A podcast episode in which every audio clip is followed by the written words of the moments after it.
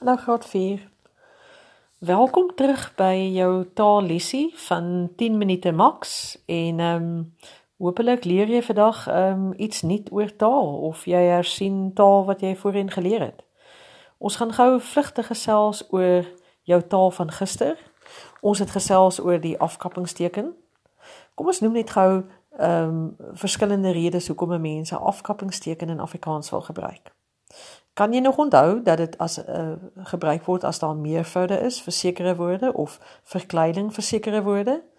Miskien is dit 'n woord wat eindig in 'n kort klinker soos ski, kan jy dit nog onthou of foto, foto, die klem is aan die einde van die woord en daar's net een klinkertjie, dis 'n kort beklemtoonde klinker. Dan het ek mos 'n afkapping vir die verkleining en 'n afkapping vir die meervoudsvorm. So fotos gaan gespel word F O T O afkappingsteken S. Uh dan het ons gesê dit word ook in die plek van 'n klinker gebruik. Ek is X. As die klinker weggelaat word, dan sit ek afkappingsteken daarin.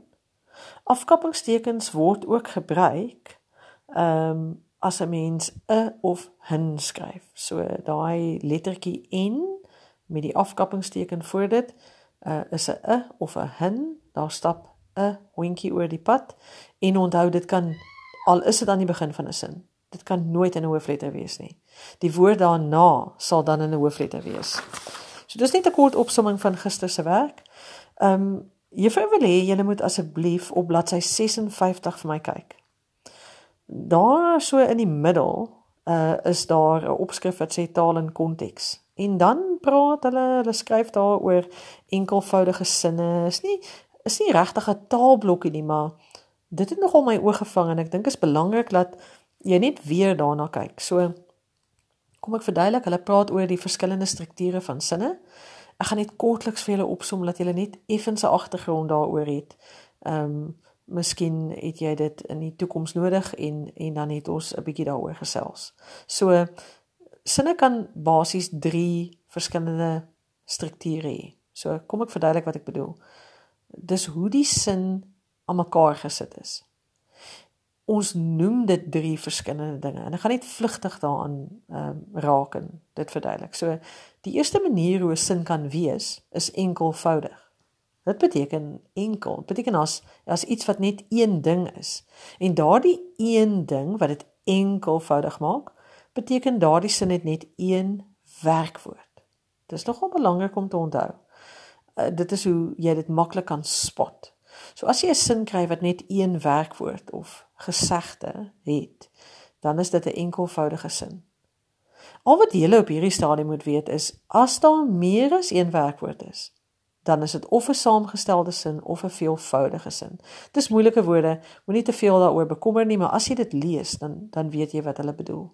So 'n sin met een werkwoord is 'n enkelvoudige sin. 'n Sin met meer as een werkwoord of gesegde, werkwoord deel is saamgestel of veelvoudig. Ons gaan nie veel meer daaroor sê nie. Is nie regtig op hierdie stadium vir my baie belangrik nie, maar net dat jy 'n bietjie agtergrond het. Wat ek wel oor wil gesels vandag voor ons 10 minute verby is, is homofone en homonieme en jy sal dit vind op bladsy 57 in jou handboek. So jy kan 'n bietjie gaan kyk na die voorbeelde daar, maar kom vir som vir jou vinnig in 3 stappies op hoe jy die verskil tussen homofone en homonieme kan spot. Want dis wat jy wil doen. Jy wil sien, is dit is hierdie woorde, hierdie stelletjie woorde, hulle kom in stelletjies, is dit 'n homoniem of is dit 'n homofoon? Is dit 'n homofoon of is dit 'n homoniem? En raai wat, daar's nog verskillende ander ook wat hulle nie eers in die boek nou noem nie. So dis 'n hele groep verskillende stelle woorde en jy gaan vandag net na twee kyk. Ek gaan sommer vir jou drie reëls gee en dan is dit baie maklik as jy ooit enige van hulle in die hande kry, dan kan jy sommer spot wat een is wat een. So, reël nommer 1 is al hierdie verskillende stelle woorde wat met die naam van homo begin. H O M O, homofone, homonieme. Daar's nog van hulle party begin nie eers met dit. Die party begin met paro, paronieme. So moenie te veel daaroor bekommer nie. As jy ouer is, gaan ons daaroor gesels. Maar al hierdie stelle woorde, hulle het een ding wat dieselfde is vir al die stelle. En dit is dat die woordjies in die stelle verskillende betekenisse het. So luister gou, dis belangrik. Die woordjies in die stel homofone of die woordjies in die stel homonieme het verskillende betekenisse. Dis baie belangrik dat jy dit verstaan. Hulle beteken glad nie dieselfde nie. As ek sê ek reis na 'n ander land of ek eet rys, klink mos presies dieselfde, né? Maar daardie twee woorde het verskillende verskillende betekenisse. So. Dis soos wanneer ek sê, "Gee asseblief vir my die bal" of "Dit is nou my en een van die dae is dit my verjaarsdag." Die woorde klink presies dieselfde, my en my. Maar dit is definitief woorde met verskillende betekenisse. So dis reël nommer 1. Reël nommer 2.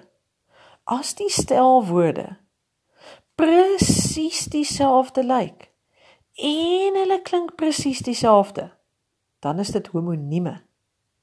As die woorde net dieselfde klink, maar hulle lyk definitief nie dieselfde nie, dan is dit homofone. So ek ek sê gou weer as hulle presies dieselfde lyk en hulle klink ook presies dieselfde is dit homonieme maar as hulle net dieselfde klink maar hulle lyk definitief nie dieselfde nie dan is dit homofone en dit is maklik om daardie een te onthou want dit laat jou dink aan foon phone hulle klink net dieselfde ons weet hulle betekenisse verskil dis reël nommer 1 Nou klink hulle net dieselfde, maar hulle lyk nie dieselfde nie. Hulle is homofone. Foon, phone.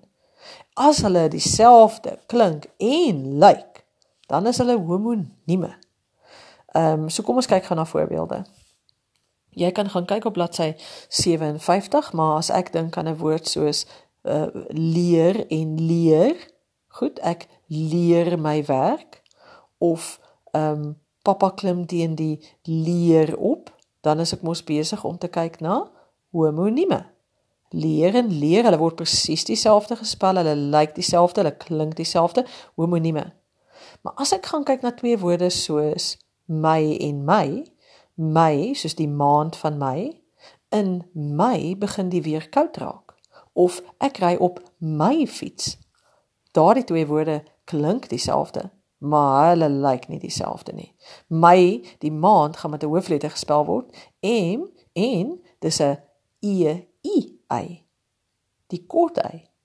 Waar my fiets die lang y is. M lang y. So die woorde lyk definitief nie dieselfde nie. Al klink hulle dieselfde. En daardie twee woorde is homonieme. So dis die groot verskil. Reël nommer 1, die woorde verskil in betekenis. Reël nommer 2, lyk en klink hulle dieselfde? Homonieme.